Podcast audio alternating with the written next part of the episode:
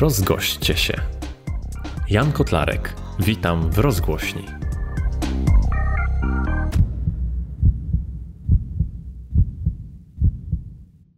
Jest z nami pani Małgorzata Kryszeń, koordynator Fundacji Tęczowy Kocyk. Dzień dobry. Dzień dobry. E, jest to fundacja, której działalność skruszyłaby serca nawet najbardziej zatwardziałe. Proszę nam powiedzieć, czym właściwie się zajmujecie? E, tak, jak najbardziej. E, zajmujemy się szyciem ubranek dla dzieci, które urodziły się niestety martwo bądź zmarły w niedługim czasie po urodzeniu. Są to dzieci tak malutkie, że takich ubranek nie możemy kupić nigdzie.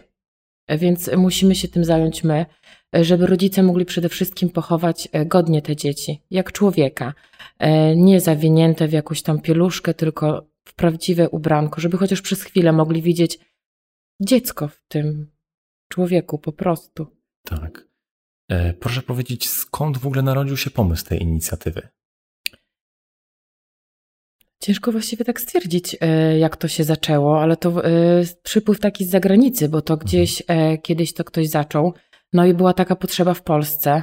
Jest bardzo dużo rodziców, którzy nas potrzebują, wiele mam, które no nawet niestety nie mówią o tym, tak? Tak żegnają się z tymi dziećmi bardzo po cichu. I to tak naturalnie chyba przyszło. A pani, serca. kiedy pani pierwszy raz miała styczność z fundacją? E, to było takie, takie dziwne właściwie, e, bo zaczęło się od tego, że chciałam bardzo zacząć szydełkować. E, bardzo chciałam nauczyć się robić na szydełku. I jakoś tak poprosiłam starszą koleżankę, która umie to robić. No i ona chciała mnie bardzo nauczyć, ale nie mogłyśmy się zgrać, że tak powiem, więc zaparłam się w sobie i chciałam jej udowodnić, że ja się sama tego nauczę. No i jakieś tam filmiki na YouTubie sobie odpaliłam i zaczęłam sobie w domu e, próbować. No i coś tam mi się udało. No ale tak, e, jak już udało mi się coś zrobić, no i w sumie nie wiedziałam, co dalej. No bo co mam robić? Sobie czapkę? No, no nie. Więc zaczęłam szukać, co mogłabym szydełkować. No i właśnie wtedy natrafiłam na taki artykuł w internecie. E, nie pamiętam dokładnie, co to był za artykuł, ale pamiętam zdjęcie, które tam było. I tam było właśnie takie maleńkie ubranko, które było obok pilota do telewizora. I to było po prostu ubranko obok pilot i to ubranko było mniejsze. E, no i z zaciekawieniem zaczytałam, e, przeczytałam ten artykuł e, i tam dowiedziałam się, że właśnie jest taka fundacja, która zajmuje się takimi rzeczami. No i między innymi właśnie poszukują szyjących pań, które szyją na maszynach i dziergających. No i stwierdziłam, że na początek taki motylek, który jest symbolem naszej fundacji i dziecka utraconego, E, robi się właśnie na szydełku i potem on jest wręczany takim rodzicom w potrzebie, na pamiątkę takiego dziecka po prostu. E, no i zaczęło się tak. Zrobiłam jednego motylka, drugiego. E, przekazałam koordynatorce fundacji, a potem okazało się, że na Podlasiu, skąd pochodzę, jest potrzeba właśnie koordynowania tym, i jakoś tak naturalnie właściwie to się stało, że tak zostałam koordynatorką. Czyli dla Pani takie troszeczkę dwa w jednym, bo zarówno znalazła Pani cel e, w tym szydełkowaniu, które chciała Pani zacząć, a jednocześnie od razu się to wiązało tak. z pracą fundacji. Tak, tak. E, powiedziała Pani o e, matkach, które no właśnie znajdują się w takiej, w takiej dramatycznej sytuacji e, utracenia dziecka zaraz po porodzie. E, a jak takie matki w ogóle mogą e, zwrócić się do Państwa o pomoc? Którędy, mm, skąd w ogóle dowiadują się o takiej możliwości? Czy to, czy to Państwo raczej się do nich kierujecie w szpitalach? Jak to wygląda? E, zazwyczaj jest tak, że mamy takie dostają pomoc już w szpitalu. Na chwilę obecną zapatrujemy większość placówek szpitalnych w Polsce. Hospicja, perinatalne również, do których rodzice już w trakcie ciąży takiej zagrożonej zwracają się, bo Czasami jest tak, że ta mama musi urodzić już niestety martwe dziecko. E, więc już e, tak jakby na tym etapie czasami mamy wiedzą o nas. E, staramy się dotrzeć do psychologów, do fundacji, które zajmują się podobnym tematem. No i bardzo często w internecie gdzieś tam już czasami koleżanka, koleżance gdzieś tam.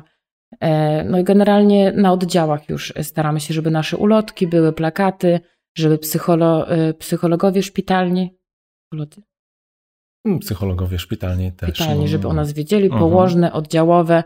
E, staramy się dotrzeć również na uczelnie medyczne, żeby już tam młode położne miały świadomość, że my jesteśmy. Że taka fundacja w ogóle istnieje, że jest taka możliwość. Tak, bo my nie tylko jakby pomagamy mamom, ale też tym personelowi w szpitalach, ponieważ no, jesteśmy wszyscy ludźmi, tak? I to jest, przede wszystkim to jest człowiek.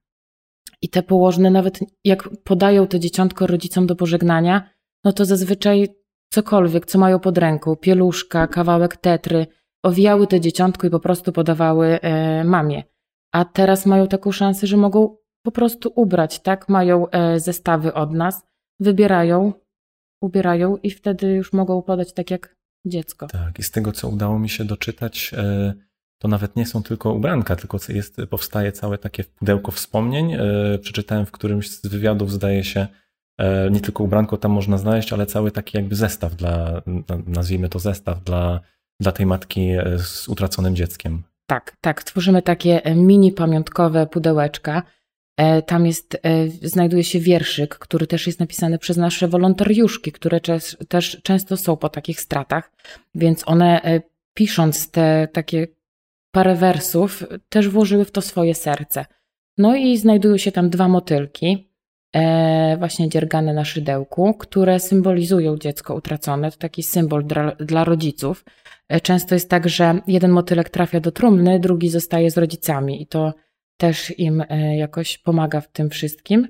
E, I niezapominajka, żeby po prostu nie zapomnieć. O tym dziecku, tak. Często są mamy, które e, mają już kilka takich pudełek, niestety.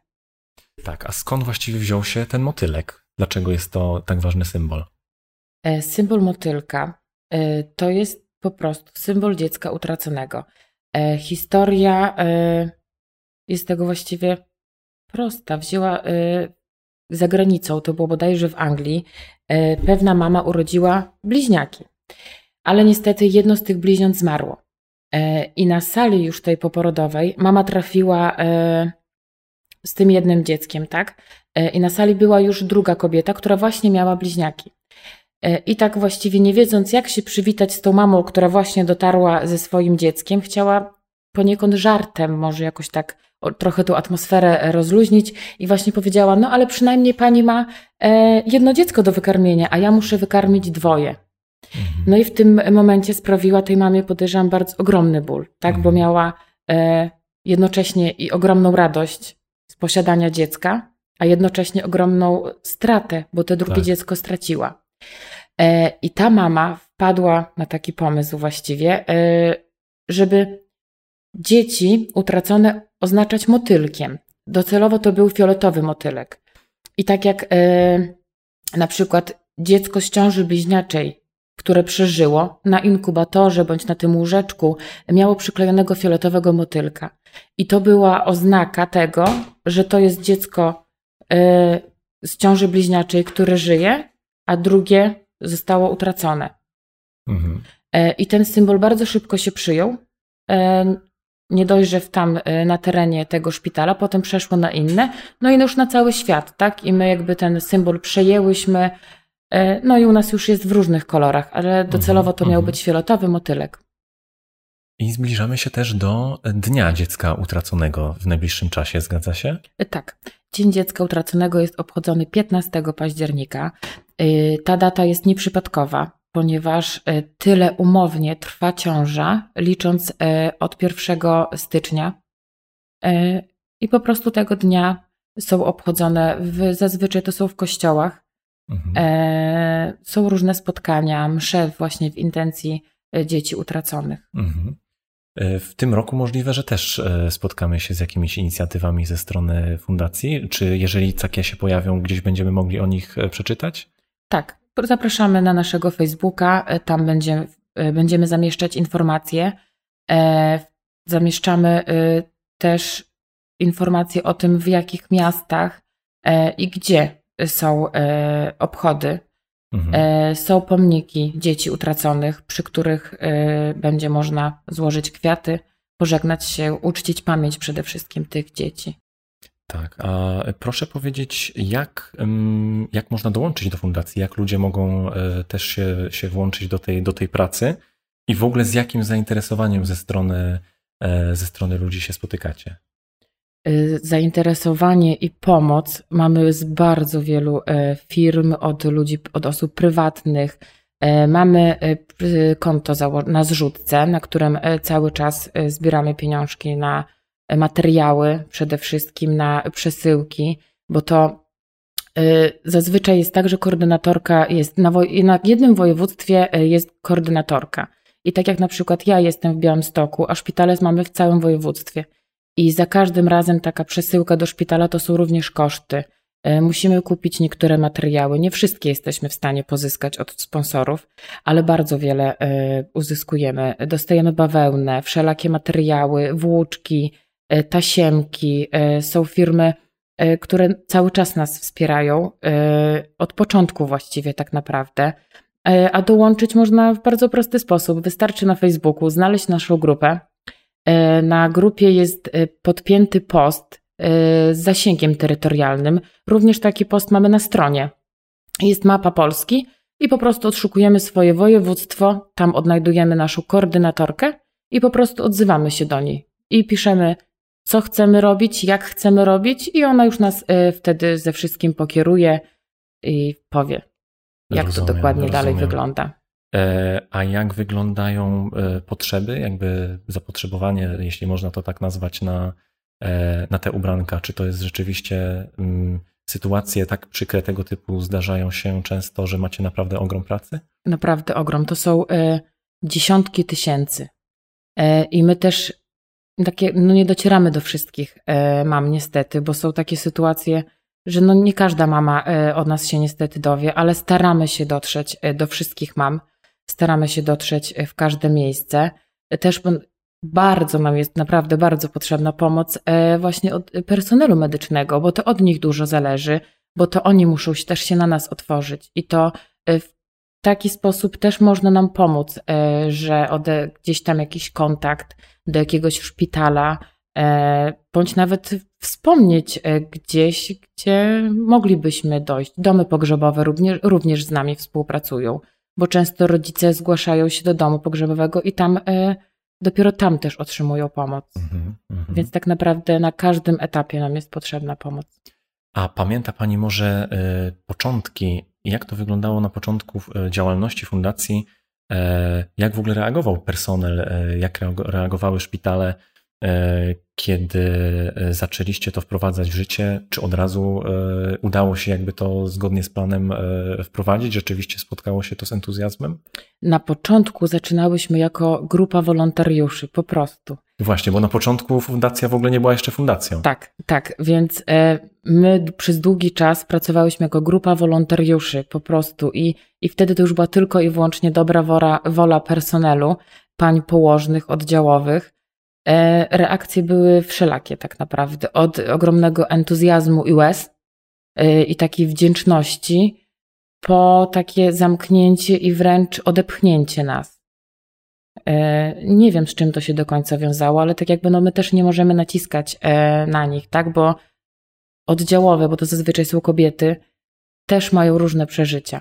I no tak, też, a sfera jest bardzo taka delikatna i wrażliwa. Tak, więc też y, niekiedy, kiedy tak, tak nam się wydaje, że kiedy nawet taka położna może nie tyle co odpycha, ale jakby nie chce nas do końca e, przyjąć, to możliwe, że ona też ma jakąś historię w swoim życiu, który, o której chce zapomnieć, a jakby my jej to bardzo mocno przypominamy. No ciężko jest tak naprawdę no stwierdzić, tak. co się dzieje, jak się dzieje, ale staramy się. Cały czas się staramy. Bardzo byśmy chciały być we wszystkich szpitalach, żeby wszyscy o nas wiedzieli.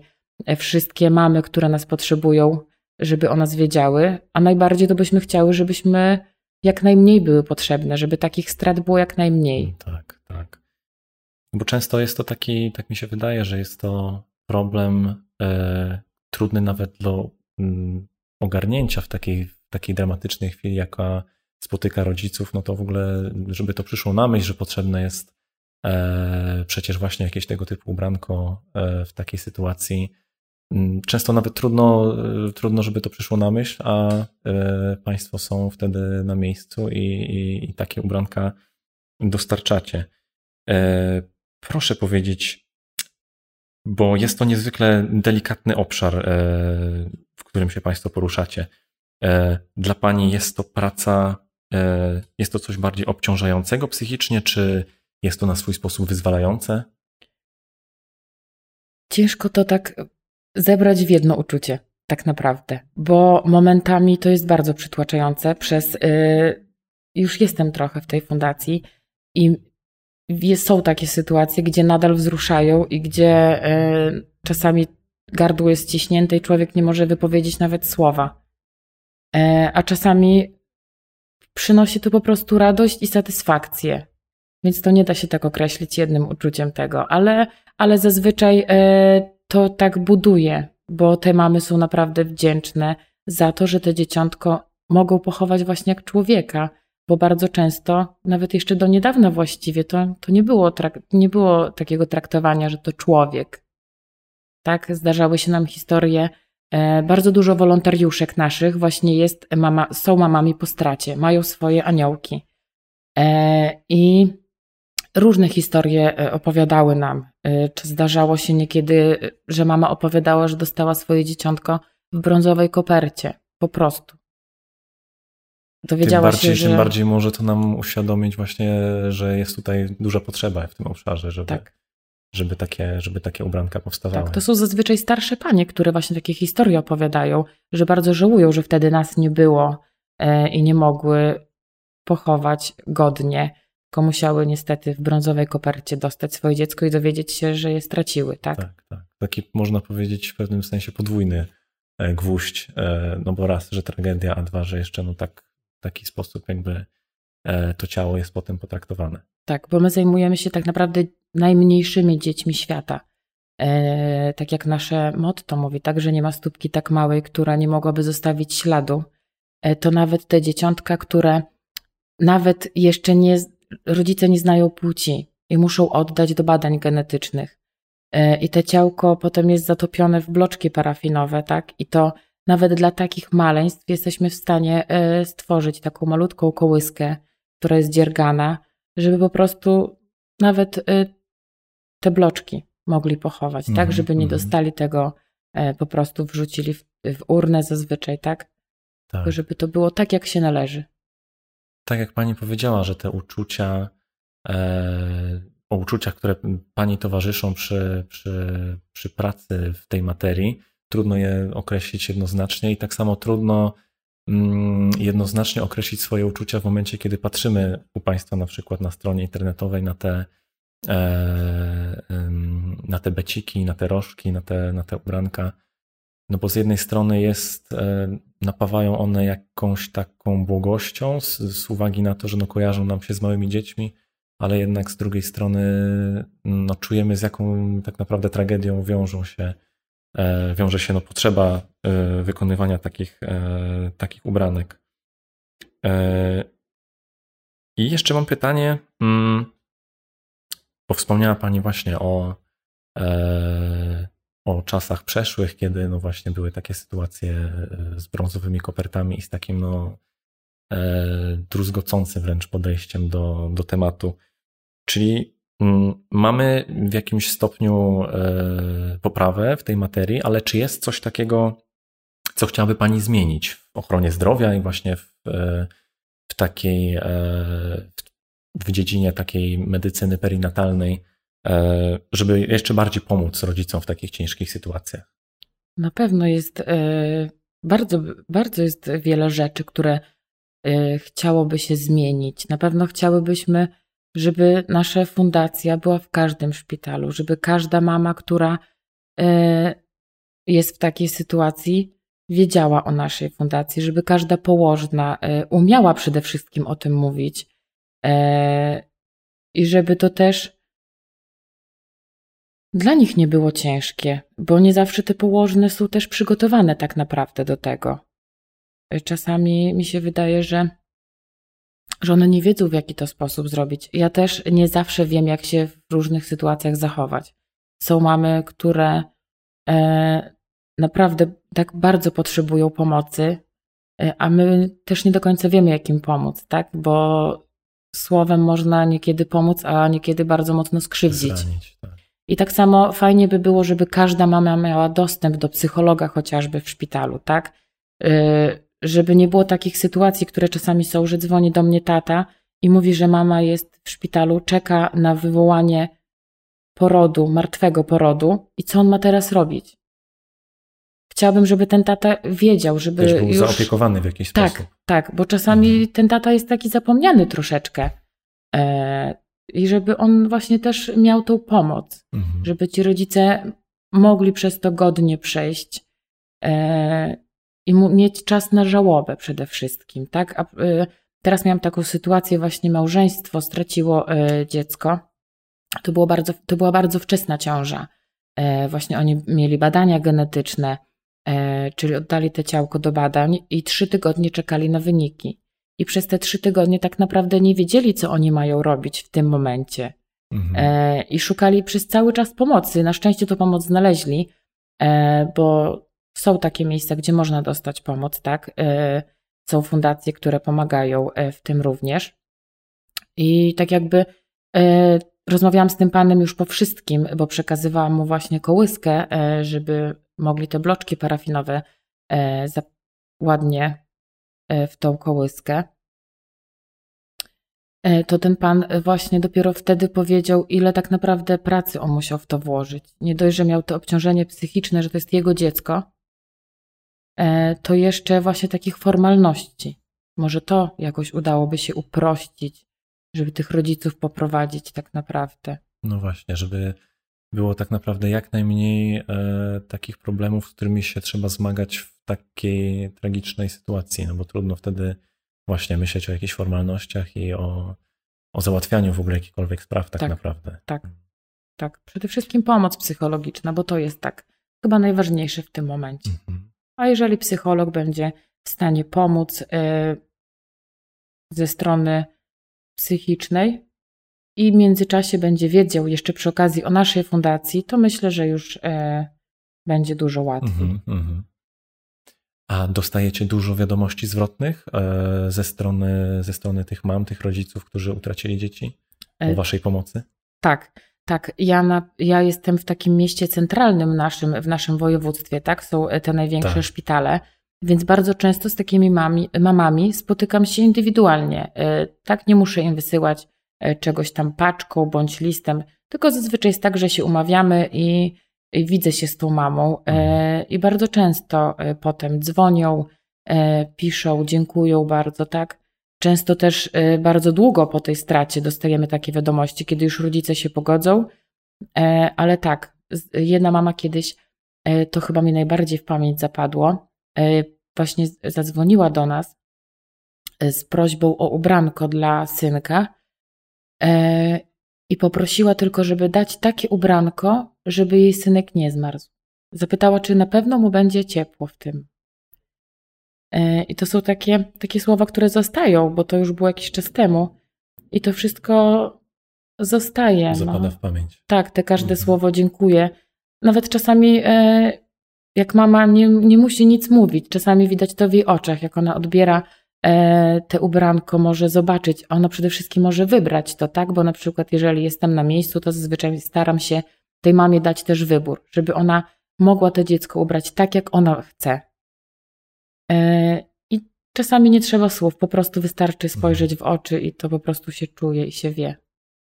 Tak, no wydaje mi się, że widok takiej, e, takiego rodzica, który no w jakiś sposób robi wszystko, żeby sobie poradzić z taką stratą, no jest czymś niezwykle pokrzepiającym, no bo e, wówczas tak mi się wydaje, że wszystkie nasze takie codzienne małe problemy stają się, stają się zupełnie nieważne i takie trzeciorzędne tak naprawdę tak. w takiej sytuacji. Tak, a zazwyczaj właśnie taka potrzeba i taka, e, u mnie przynajmniej tak jest, że jak już mam coś tam się dzieje, jakiś problem, który totalnie nie jest problemem, i właśnie pojawia się e, taka mama, tacy rodzice właśnie i wtedy tak sobie człowiek usiądzie właśnie, że w ogóle co to jest za problem? Tu jest dopiero problem, mm tak? Tu jest mhm. tragedia i tutaj i mama mówi, że to jest jej kolejne pudełko wspomnień. To tak, to to tak. jest problem i to jest ciężkie. E, a dopytam jeszcze, wrócę do, do e, obszarów Państwa działalności. E, wspomniała Pani, że również chcecie troszeczkę zainteresować się uniwersytetami medycznymi. Tak. Czy być może na naszym uniwersytecie w Poznaniu też jest szansa, że wkrótce usłyszymy o, o działalności fundacji? Czy studenci być może będą mogli się jakoś zaangażować? Bardzo byśmy chcieli. Jesteśmy, cały czas się rozwijamy, tak? Cały czas próbujemy dotrzeć w różne miejsca. Też jest bardzo ciężko. Przede wszystkim e, wszystkie dziewczyny, które tworzymy fundację, e, mamy też swoją pracę zawodową, tak? To nie jest tak, że my tylko i wyłącznie żyjemy mm -hmm. dla fundacji i z fundacji, że tak powiem, tylko my wszystkie jesteśmy normalnymi kobietami, które pracują, mają rodziny, tak? I ta fundacja jest takim naszym celem właściwie i każdą wolną chwilę poświęcamy, żeby było jak najlepiej, mm-hmm, żeby było mm-hmm. o nas jak najwięcej słychać.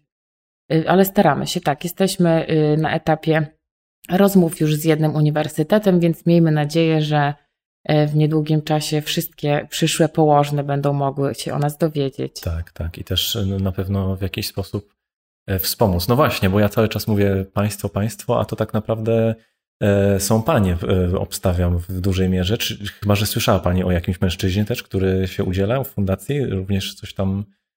Tak. Ktoś uszył, tak? E, no. Tak, zazwyczaj to są panowie, panie, przepraszam, tak. podejrzewam, że 99%, ale nawet u siebie w województwie byłam na spotkaniu z wolontariuszkami i był jeden pan, który po prostu robił zdjęcia, w pewnym momencie odłożył aparat, i powiedział, że on e, chce się tutaj zrobić nam e, niezapominajkę. Mhm.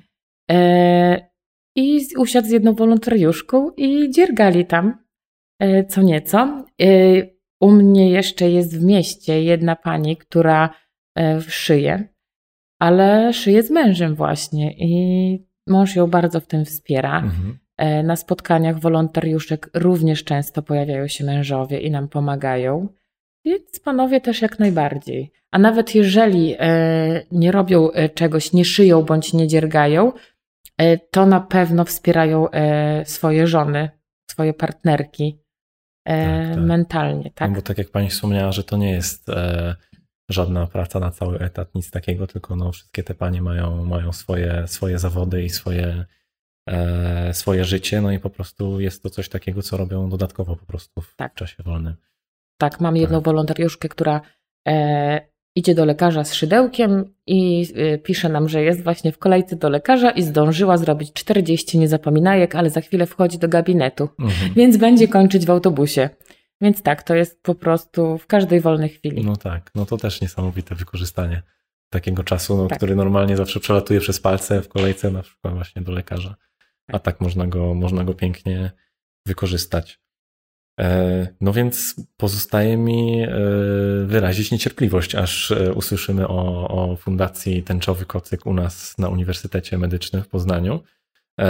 Być może również jakaś męska część będzie mogła usłyszeć i, i, i dołączyć. Bardzo dziękuję za rozmowę i garść naprawdę poruszających historii. Życzę z całego serca, żeby ta fundacja rozwijała się jak najprężniej, że tak jak pani powiedziała, żeby, e, żebyśmy mogli, mogli o niej usłyszeć w każdym szpitalu i żeby w każdym szpitalu taka pomoc mogła być e, bez problemu udzielona. Dziękuję bardzo. Bardzo dziękuję.